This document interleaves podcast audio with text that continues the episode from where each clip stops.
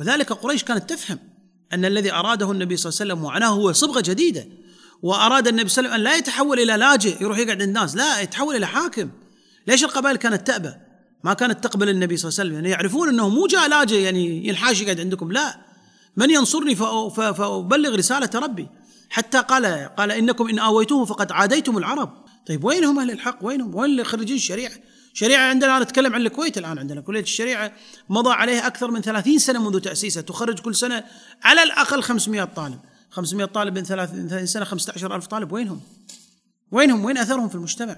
لكن الصمت هذا هذا أخطر شيء أن يتحول الإنسان إلى صالح بنفسه. صلوا وامشي صلوا واطلع لا صلوا. لا لا ما نبي هذا. بسم الله الرحمن الرحيم والصلاة والسلام على رسول الله. يعطيك العافية دكتور طارق. يا هلا وسهلا حياك الله الله يحفظك. شلونك عساك طيب. الحمد لله رب العالمين. دكتور بعد سقوط دولة الخلافة العثمانية صارت تحديات كثيرة. نرى الآن يعني حربا على الإسلام تضييق على حملة الإسلام والمسلمين. آه، في ظل هذه الظروف الصعبة مع انسحاب الكثير من الذين يعني كانوا يأمرون بالمعروف وينهون عن المنكر وجدنا أناس هشة لا تؤمن بالعمل التغيير. فطغت قضية بما يسمى الفردانية اللي هم بعد تكلم عنها كتاب الهشاشة النفسية كنا إسماعيل عرفة. فأين إشكالية دكتور؟ وعن إذنك دكتور ابن القيم يقول عن هؤلاء الذين تركوا الأمر بالمعروف والنهي عن المنكر يقول آه، هؤلاء في نظر العلماء من أقل الناس دينا وأي خير في من يرى محارم الله تنتهك وحدوده تضاع وسنة نبيه يعرض عنها ثم يبقى بارد القلب ساكن اللسان شيطان أخرس. وهل بلية الدين إلا من هؤلاء؟ إذا سلمت لهم مآكلهم ومشاربهم ورئاساتهم فلا مبالاة لهم بما يجري على الدين. وهؤلاء يقول وهؤلاء مع سقوطهم من عين الله ومقت الله لهم قوبلوا بأعظم بلية وهم لا يشعرون وهو موت القلب. فالدكتور بداية يعني نحبذا لو نفرق بين الصالح والمصلح الصالح والمصلح. ثم إن شاء الله تعالى نعرف لماذا ضعف دور الأمر بالمعروف والنهي عن المنكر. آه، بسم الله الرحمن الرحيم. الحمد لله رب العالمين والصلاة والسلام على رسولنا محمد صلى الله عليه وسلم وعلى آله وصحبه والتابعين. لهم بإحسان إلى يوم الدين حياك الله أخ محمد المنيس وشكرا لمؤسستك الإعلامية ومؤسسة الجذور. الله يحييك. آه، لاهتمامها في قضايا حساسة أنا أعتبرها هذه القضايا الإسلامية اللي بعض الناس يراها آه، خط أحمر طرحها. حقيقة لأنها من ناحية تحيي الأمة مرة أخرى آه، من سباتها بل هو بل هي ميزة هذه الأمة. كنتم خير أمة خرجت للناس تأمرون بالمعروف وتنهون عن المنكر. فميزة هذه الأمة التي ميزها الله عز وجل أخرجها للناس لتأمر بالمعروف وتنهى عن المنكر. آه، إجابة تحديدا على سؤالك الفرق بين الصالح والمصلح. الصالح صالح بنفسه لا يتعدى خيره إلى غيره. المصلح صالح في نفسه تعدى خيره إلى غيره. آه، المصلح آه، عمله متعد هو الذي يبقى له في الآخرة. الصالح عمله لازم إذا ما تنقطع عمله. فلذلك الأعمال المتعدية هي الجارية للإنسان بعد وفاته. آه، اللي فيها طرف آخر. ما دام في طرف آخر إذا أجور الحسنات يمشي لك بعد وفاتك.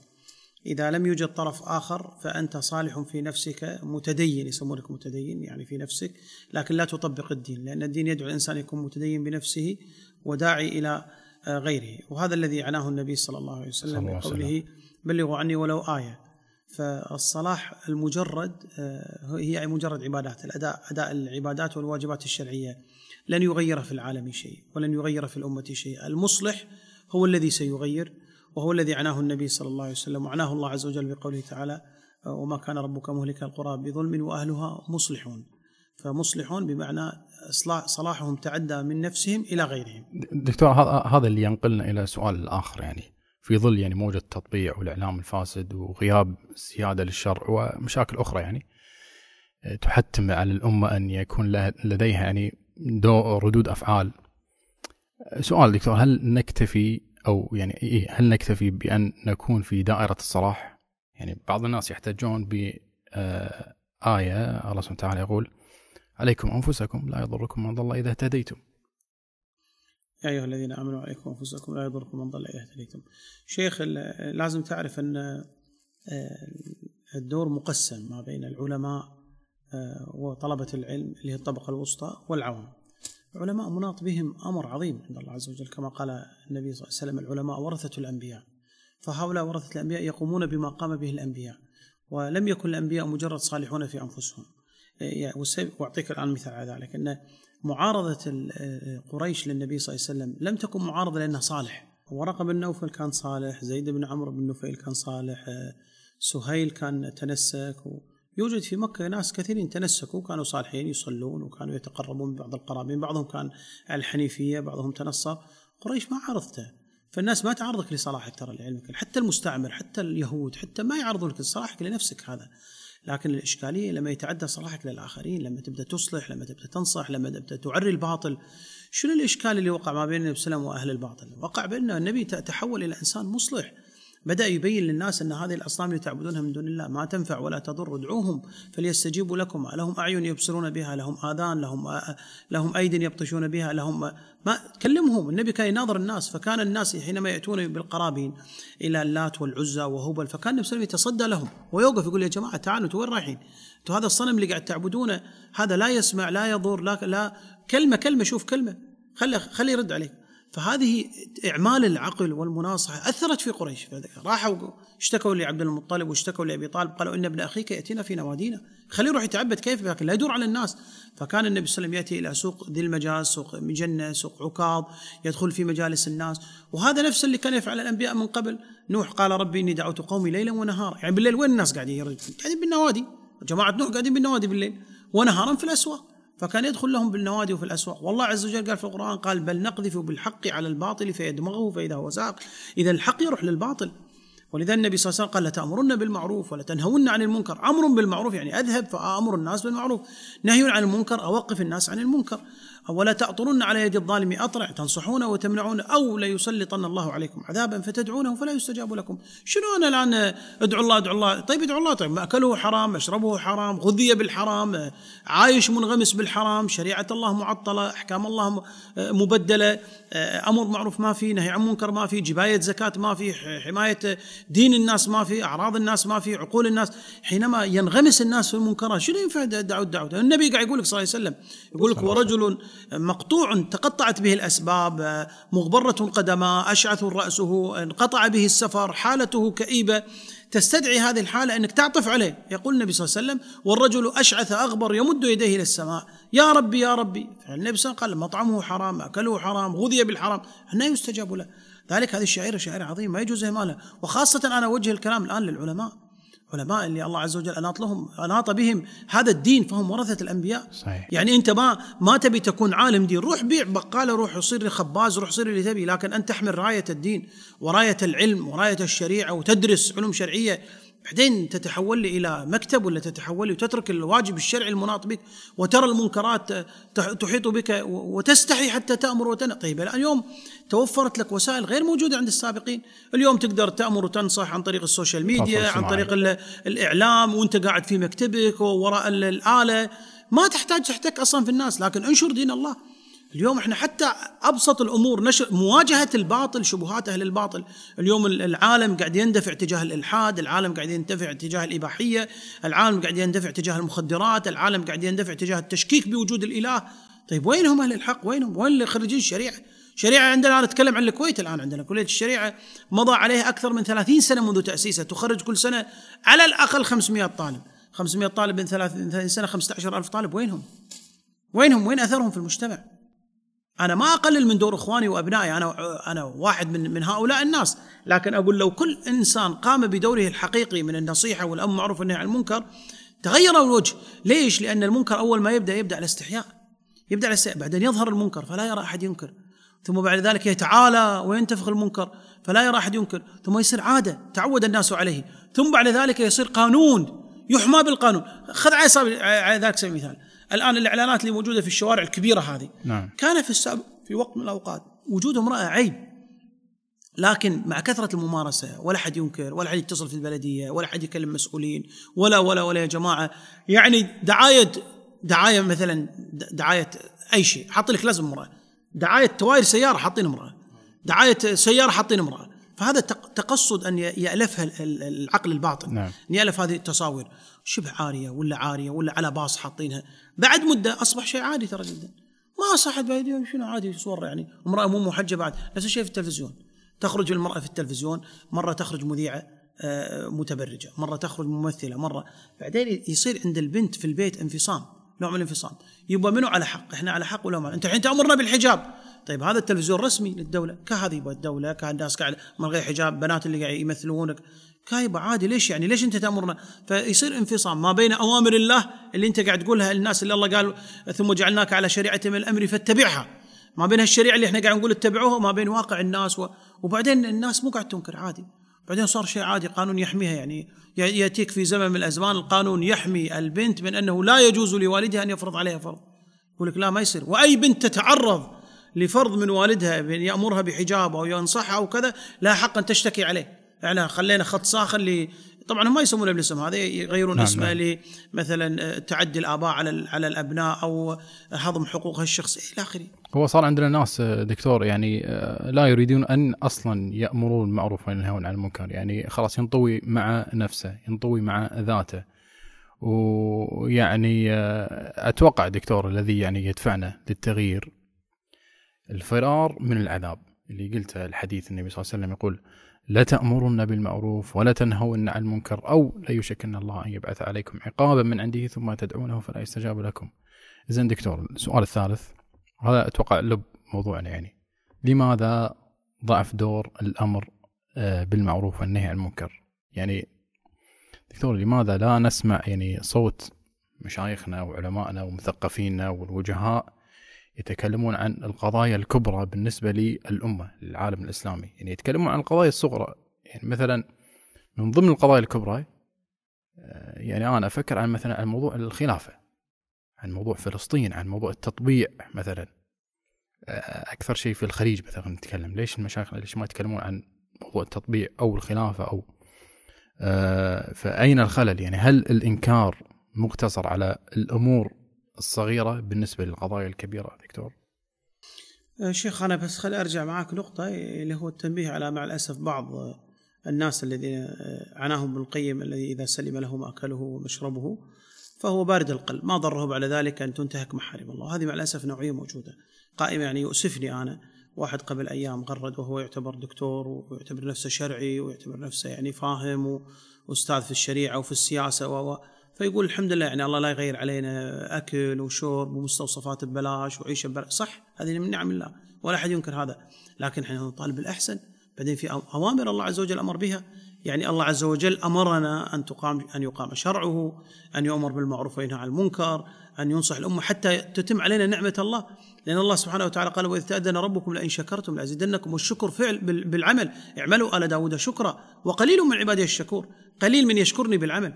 فالله عز وجل على كلامك أنت وغيرك. إن إذا سلم لك المأكل والمشرب وإحنا بخير وصحة ومستوصفات و الله لا يغير علينا. ماشي لكن هذا يحتاج إلى شكر. لأن الله سبحانه وتعالى بين أن إذا شكرت فالله سبحانه يزيدك. إذا ما شكرت يقلب الله لك النعمة إلى نقمة تتحول عليك ويصير عذاب. كم من أمة زالت وأزالها الله عز وجل وانتهت آثارها وتغيرت أحوالها وقلب الله عز وجل حالها من الطمأنينة إلى الخوف ومن الجوع إلى من الشبع إلى الجوع. ذلك إحنا ننبه على هذا أن هذه النعمة تزول. لو ترك الناس الأمر المعروف والنهي عن المنكر سيزيل الله عز وجل عنهم النعمة. لذلك أرجع إلى سؤالك المهم وهو لماذا ضعف الأمر المعروف والنهي عن المنكر؟ نعم. في الحقيقة له أسباب. ضعف الأمر المعروف ضعف الأمر المعروف نابع عن ضعف الإيمان أصلا. ضعف الإيمان يعني إذا ضعف إيمان الإنسان ضعف بإحساسه بالمسؤولية التي أناطها الله عز وجل. فلما يكون العالم إيمانه قوي فلا يكون بارد القلب وإنما يكون ساخن القلب. لكن إذا كان إيمانه ضعيف كما ينقل عن سفيان الثوري يقول إني لأرى المنكر وإني لأتبول دما ولا أستطيع أن انكره يعني أموت من الحسرة ما أستطيع رواية تنقل عنه ولا أستطيع أن انكره ليش؟ السبب في ذلك أن إيمانك ما يشيلك. ليش؟ لأن لابد أن يكون إيمانك قوي. هذا الإيمان هو اللي يدفعك. ولذلك ابن القيم سماه بارد القلب. يعني إيمانه ضعيف ما عنده شيء أصلا. فلذلك شيخ الإيمان هو الذي يحمل الإنسان على على إنكار المنكر، هو اللي يجعله يتحسر، هو الذي ليش الله عز وجل قال للنبي صلى الله عليه وسلم فلا تذهب نفسك عليهم حسرات، يعني لا تنفلت نفسك تموت، ليش؟ على هذه المنكرات اللي قاعد تشوفها، فلعلك باخع نفسك على آثارهم، نعم. يعني قاتلوا نفسك على آثارهم إن لم يؤمنوا بهذا الحديث اسفا. فالسبب في ذلك قوة إيمان. إذا ضعف إيمان الإنسان وتلاشى الإنسان يستوي عنده المعروف والمنكر. ما عليك من الديكور الظاهر عليك من الداخل. يستوي المعروف لقول النبي صلى الله عليه وسلم قال وقلب أسود مرباد كالكوز مجخيا لا يعرف معروفا ولا ينكر منكرا إلا ما شرب من هواه. يعني حسب مزاجه. ها شنو يعني يا دكتور؟ هذا حديث في مسلم في حديث النبي صلى الله عليه وسلم قال تعرض الفتن على القلوب كالحصير عودا عودا. يعني تعرض الفتن التي تمر عليك تعرض على قلب الإنسان. كالحصير عودا عودا يعني كما تعرض أعواد الحصير على صانعها عودا عودا كذلك الله يمرر الفتن على القلوب. فأيما قلب أشربها يعني تقبلها نكتت في قلبه نكتة سوداء. وأيما قلب ردها نكتت في قلبه نكتة بيضاء. هذه المنكرات ثم تنفصل القلوب. قال حتى تصير القلوب على قلبين قلب أبيض كالصفا لا تضره فتنة ما دامت السماوات والأرض وقلب أسود مرباد كالكوز مجخية. يعني مثل الكأس المقلوب. ما يدخل هواء ولا يدخل ماء. كالكوز مجخية. لا يعرف معروف ولا ينكر منكرا. شوف ربطها النبي صلى الله عليه وسلم. فربط عملية الأمر بالمعروف والنهي عن المنكر ربطها بقلب الإنسان. فمتى ما قوى قلب الإنسان وقوى إيمان الإنسان ارتاع بالفعل. احترق على هؤلاء الناس، احترق على زوجته، احترق على بناته، احترق على أهله، احترق على مجتمعه، احترق على أمته، متى ما كان الإنسان بارد القلب ما يهمه خلاص. أهم شيء تسلم له مآكله ومشاربه ومطاعمه وعسى الأمة تحترم. وبعدين في جزء آخر من الناس يعني إيه، إيه، سبب آخر وهو أصابته روح الهزيمة الانهزامية خلاص. انهزامية. قال لك انهزامية قال لك خلاص أنا ما أقدر. إيش تبي تغير في العالم؟ إيش تبي تسوي أنت يعني؟ يعني فلسطين وراحت والخلافة وسقطت والمستعمر استعمرنا حكمنا من الشمال إلى الجنوب ونحن دولة مستعمرة ولا لا لا لا. ففي روح الانهزاميه فهو لا يجعل لك مجال حتى أن تنصح ولا أن تأمر ولا أن تقوم بواجبك إعذار إلى الله. يعني أنت دعك من التغيير تغير ما تغير إعذار إلى الله. يعني إحنا نأمر وننهى لثلاث أسباب لتغيير المنكر والقيام إقامة الحجة على الخلق ولطلب الأجر ومعذرة إلى الله. نبي نقيم الحجة على الناس وكذلك نطلب الأجر ورأفة في الناس وإعذار إلى الله. قالوا لم تعظون قوما الله مهلكهم أو معذبهم عذابا شديدا. قالوا معذرة إلى ربكم. أصحاب السبت نعم. فبعض الناس سبب ترك المنكرات هو أن هؤلاء الناس أصيبوا بروح الهزيمة. فلذلك انطوى وتحول من مصلح إلى صالح. قال لك معود أنت صل وتوكل على الله. وترى ما راح تغير في العالم شيء. ترى قبلك ناس تكلموا انقطوا بالسجون. ترى قبلك ناس تكلموا وما وصلوا إلى نتيجة. ترى قبلك أنا أقول لك امشي بالطريقة المشروعة.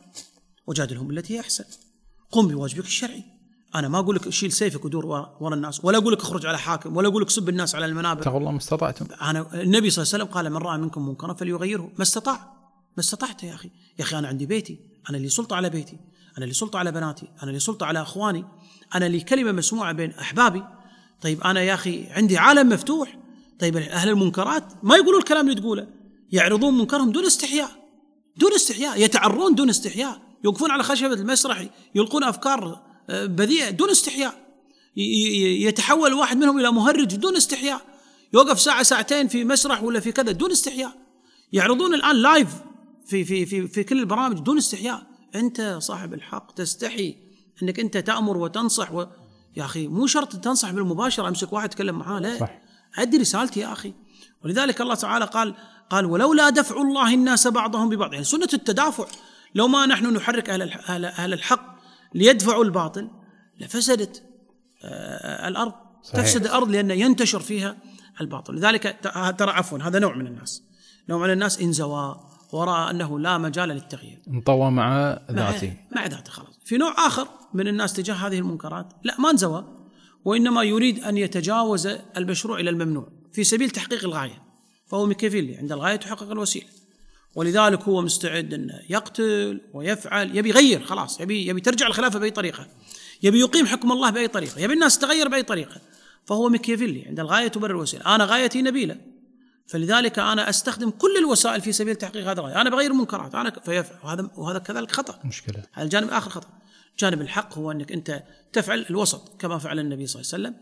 تنصح وتؤدي واجبك وتشعر أنك أنت في صراع وفي هذا الصراع الجانب الآخر شيطان والجانب جانبك أنت جانب الرحمن. الله تعالى قال قاتلوا أولياء الشيطان إن كيد الشيطان كان ضعيفا. حزب الله ألا إن حزب الله هم المفلحون هم الغالبون. فاذا عندنا حزبين حزب الشيطان حزب الله. أولياء الرحمن أولياء الشيطان. بس هذا الصراع ماكو شيء متفرج. متفرج يعني معاهم أنت. أنت متفرج ماكو شيء اسمه متفرج. أنت متفرج معناته أنت راض أنت إما إما ناطق بالحق أو شيطان أخرس. أو شيء محايد. لا لا لا لا, لا. يعني. يعني يعني الوسطية تنفع في بعض الأشياء. في في المنكرات ماكو وسط. يا أنت ساكت فأنت مضمون مع هؤلاء الساكتين. يعني أنت أنت أنت نقطة لهم وليس لنا. ما دام ساكت نقطة لهم. هم يبونك تسكت أصلا. أو ناطق داخل في الصراع معهم. صراع بين الحق والباطل ما يجوز. ذلك هذا الصراع بالحق والباطل له أشكال وله. فالحق هي الطريقة الوسطية. إني أنا أنصح وامر وأنهى وأستغل كل الوسائل بل أسخر حياتي كلها في نصرة هذا الدين لأن الله اختارك. اختارك. ترى يعني بالمناسبة ترى الدين منصور ها؟ الله ناصر هذا الدين. ولقد سبقت كلمتنا لعبادنا المرسلين أنهم لهم المنصورون وإن جندنا لهم الغالبون. ولقد كتبنا من بعد الذكر أن ولقد كتبنا في الزبور من بعد الذكر أن الأرض يرثها عبادي الصالحون. إن في هذا لبلاغا لقوم عابد هذا هذا وعد الله. لكن أنت اسأل نفسك وضعك من الأعراب شنو؟ أنت وين؟ انت وين بالمعركة هذه؟ لابد ان تكون بالصراع انت وينك أنت؟ بصمة. ذلك يحط لك بصمة أنت. دش أنت خلاص الله اختارك. اختارك الله أعطاك العلم الشرعي. أعطاك الله آه، ال- اللسان. أعطاك الله القدرة على على مثلا التواصل الاجتماعي. نعم. اذا أنت أصبحت جزء من هذا الصراع. الشيطان ما يعرف تقول لي والله أنا هذا عربي ومعربي أنت جزء من الصراع هذا.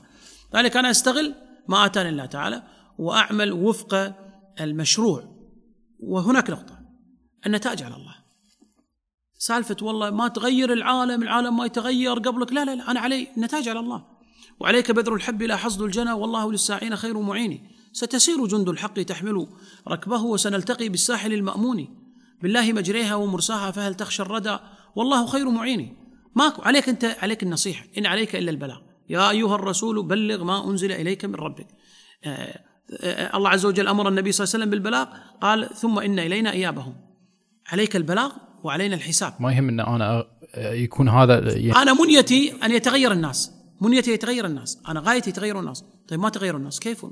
يعني أنا بسألك سؤال. رب العالمين إيش حق نبطل جهنم؟ من حقه. مو في أشكال لازم تجي جهنم. صحيح. الله قال لأملأن جهنم من الجنة والناس أجمعين. فإذا كنتم بدشون الجنة الجهنم من حقه طيب. صحيح. فإذا في مخلوقات الله خلقها بدش جهنم. وهؤلاء مكابرين ومعاندين ومعارضين وما يعجبهم آيات الله ولا يعجب. طيب كيف؟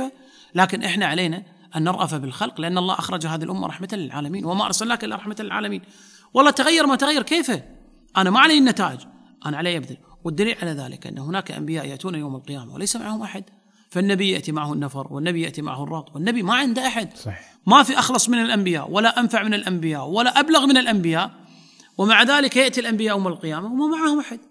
عرضت علي الأمم فرأيت النبي معه الرهط والنبي معه النفر والنبي وليس معه أحد. بل الله ذكر في القرآن قصة ياسين في سورة ياسين. واضرب لهم مثلا أصحاب القرية إذ جاءها المرسلون.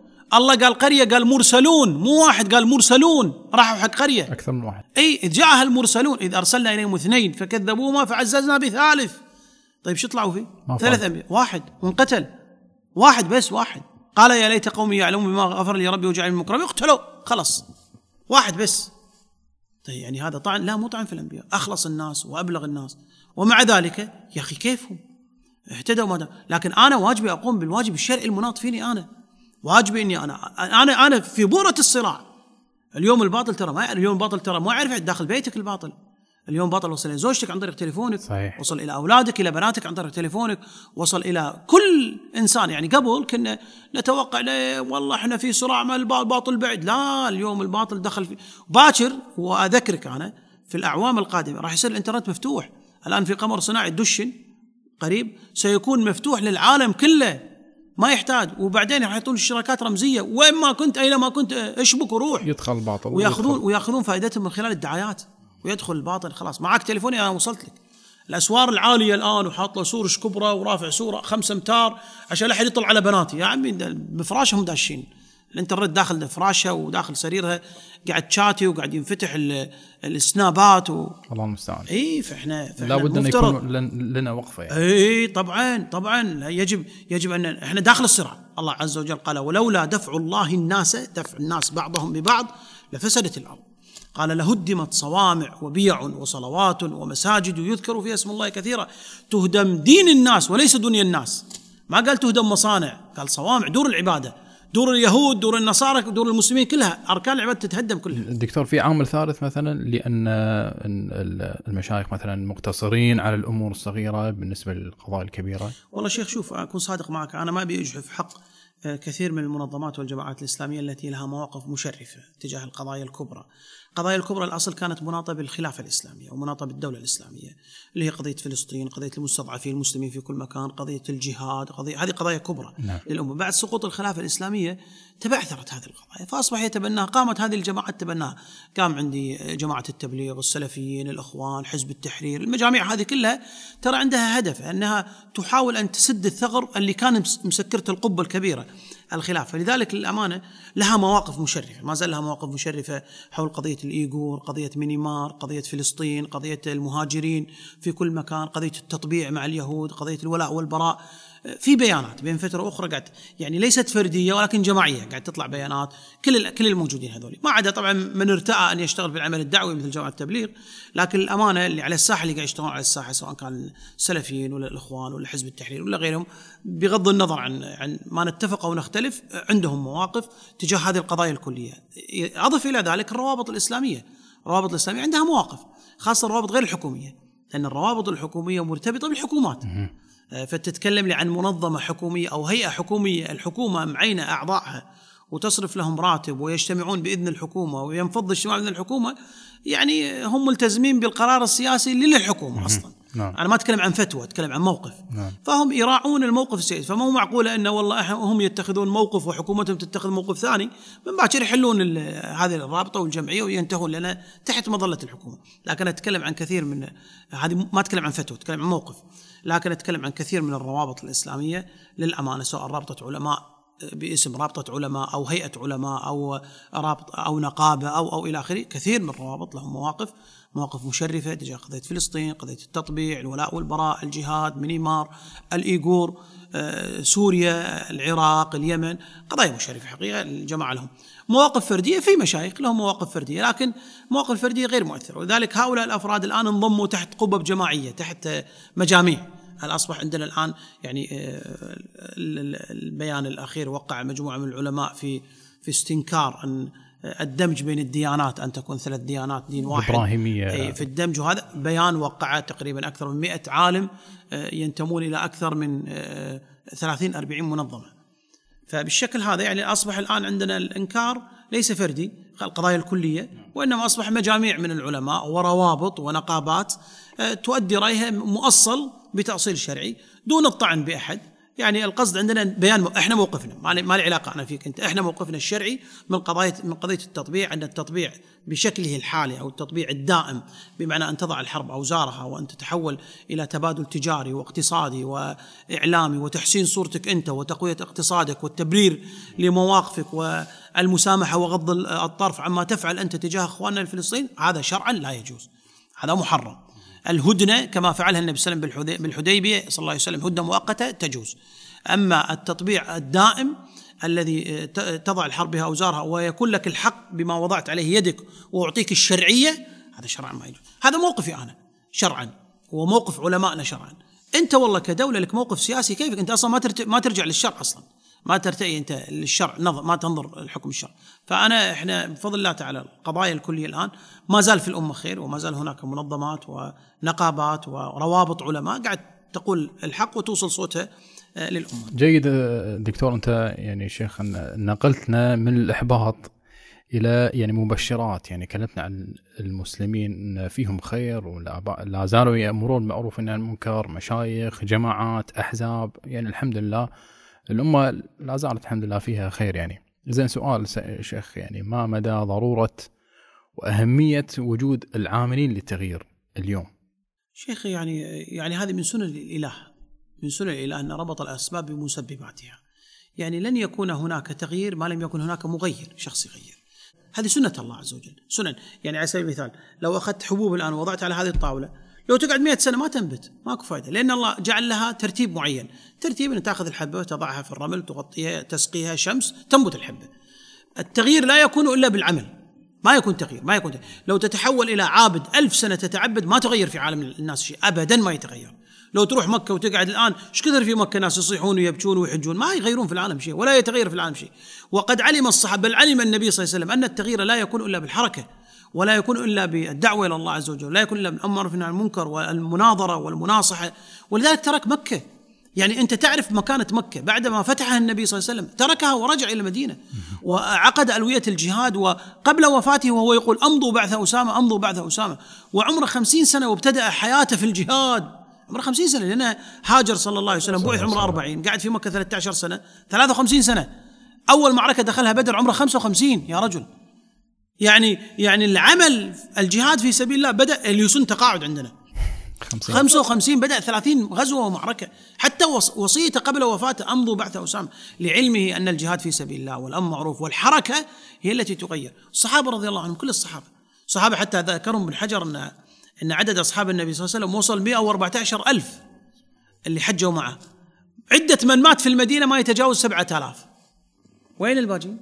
يعني ما حد قاعد ما في المدينة. ما في ما يقعدون على فضل المدينة وما ورد فيها من فضل والصلاة فيها. خرجوا غازين في يا أخي قبورهم شاهدة عليهم. وصلوا إلى أبواب الصين ووصلوا إلى أبواب كازاخستان وداغستان ووصلوا إلى حدود تركيا أنا آه، قبر أبو أيوب الأنصاري تحت أسوار تركيا وغيره وغيره وأفريقيا ومصر والشام.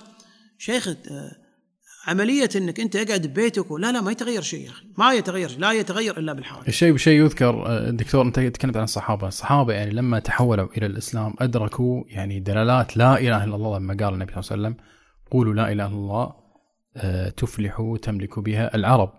يعني فهمها الصحابة على أنها يعني تشير إلى يعني التغيير الجذري للمجتمعات ومشروع حضاري فريد ومتميز وقيام دولة تستند إلى لا إله إلا الله، هكذا فهم الصحابة. وهكذا اعتقد أعتقد يعني يجب أن نفهمها نحن يعني. دكتور آخر سؤال. الله يبارك فيك. يعني أعطيك تنبيهات تعليق شوي على لا إله إلا إيه. الله. شيخ موضوع لا إله إلا الله ليس كما يفهمه البعض أن العرب والصحابة أو حتى مشركي قريش أبوا أن يقولوا لا إله إلا الله لأن بس لا لا لا هم فاهمين شنو لا إله إلا الله. الإله هو المعبود. الإله هو الواحد في الخلق والملك والتدبير. الإله هو المستحق لجميع أنواع العبادة. ومن أنواع العبادة التي يستحقها هذا الإله سبحانه وتعالى أن يفرد بالحكم. فهم عارفين أن لما نقول لا إله إلا الله يعني لا معبود يستحق العبادة بحق إلا هو. ما دام هو المعبود اذا نتلقى من خلاله الأوامر. وهم ما يبون هذا. ما يبون أن يكون هو الآمر هو الناهي هو الذي يشرع لهم. صبغة بدلهم مرة واحدة. يعني النبي صلى الله عليه وسلم بدل الناس بدلهم اخلاقيا سلوكيا تربويا اجتماعيا امنيا اقتصاديا. صبغة صبغة. يعني شوف هذا الثوب صبغ بهذا اللون فخرج هذا لونه. هذا الخام أبيض أصلا. أصل الخام أبيض يخرجون الورق أبيض أول ما يخرج. لكن من قطن أو غيره. لكن صبغ فخرج بلون. هذه الصبغة. النبي الله قال صبغة الله. صبغهم صبغة ثانية طلعهم. غيرهم صبغة ثانية. فالناس ما يبون هذا. فذلك قريش كانت تفهم أن الذي أراده النبي صلى الله عليه وسلم وعناه هو صبغة جديدة. وأراد النبي صلى الله عليه وسلم أن لا يتحول إلى لاجئ يروح يقعد عند الناس. لا يتحول إلى حاكم. ليش القبائل كانت تأبى؟ ما كانت تقبل النبي صلى الله عليه وسلم. يعني يعرفون إنه مو جاء لاجئ يعني ينحاش يقعد عندكم. لا.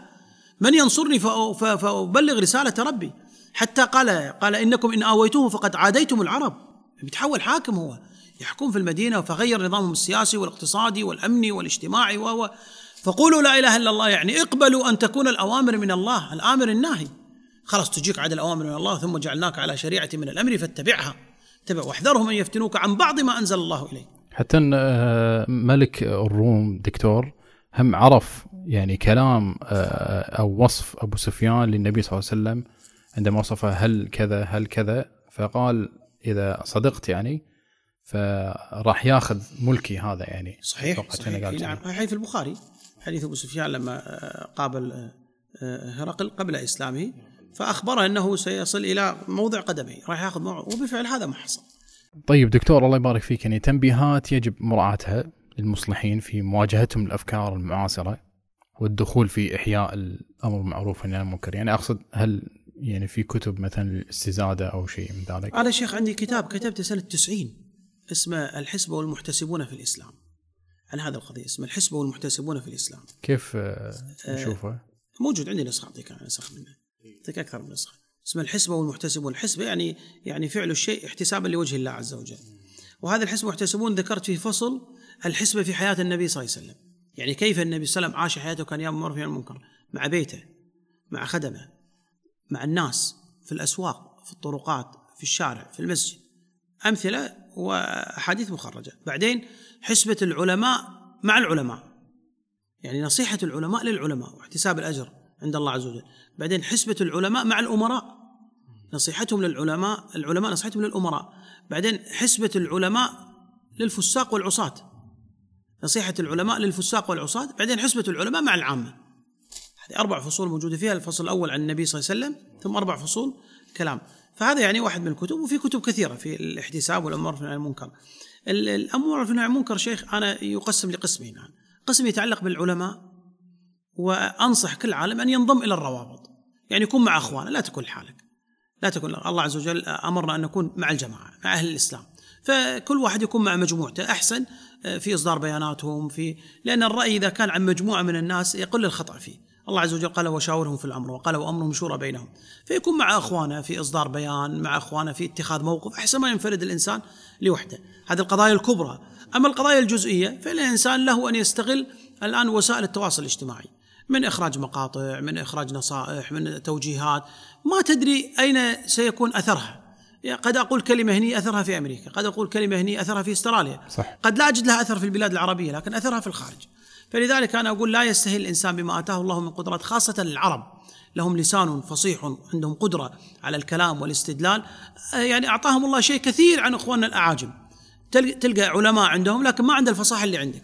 فلذلك أنا أقول إما أن ينضم إلى إخواننا في الروابط وغيرها النقابات وغيرها أو أن يكون له مساهمات ومشاركات آه، يعني وفق ما يسر الله عز وجل له. هذا بالنسبة للعلماء. بالنسبة لطلبة العلم أو العوام فإن الإنسان يعني ما يستطيع أن يغيره فليغيره بالحسنى. كما قال النبي صلى الله عليه وسلم من رأى منكم منكرا فليغيره. إن استطاع بيده لمن له سلطة عليه فعل. ما استطاع بلسانه ما استطاع يكره هذا الفعل وذلك أضعف الإيمان. بدءا من بيتك. لو تحركت عجلة النصيحة والأمر من المنكر صدقني المنكر راح يرجع. لأن عندنا قاعدة كل مبعوث وراءه قوة باعثه. أنت تتكلم باسم الدين باسم الإله. ولذلك ابن القيم في كتاب أعلام الموقعين عن رب العالمين. يقول هؤلاء يتكلمون عن الله يوقعون عن رب العالمين. هذا يجوز هذا لا يجوز. ذلك أنا يعني النصيحة أن الإنسان يعني بما آتاه الله عز وجل من نصيحة ولا الله يبارك في القليل. بارك الله فيه لكن الصمت هذا هذا أخطر شيء. أن يتحول الإنسان إلى صالح بنفسه صلوا وامشي صلوا واطلع. لا صلوا. لا لا ما نبي هذا. صح. لن تستفيد الأمة منك شيء وإذا جاء العذاب سيشملك الله عز وجل مع هؤلاء بالعذاب. جزاك الله خير دكتور. الله يبارك فيك. وإن شاء الله يعني لنا لقاءات أخرى إن شاء الله بإذن الله تعالى. شكرا جزيلا على حسن الاستماع وحسن الإنصات ونسأل الله عز وجل التوفيق والقبول يا رب. العالمين جزاك الله خير.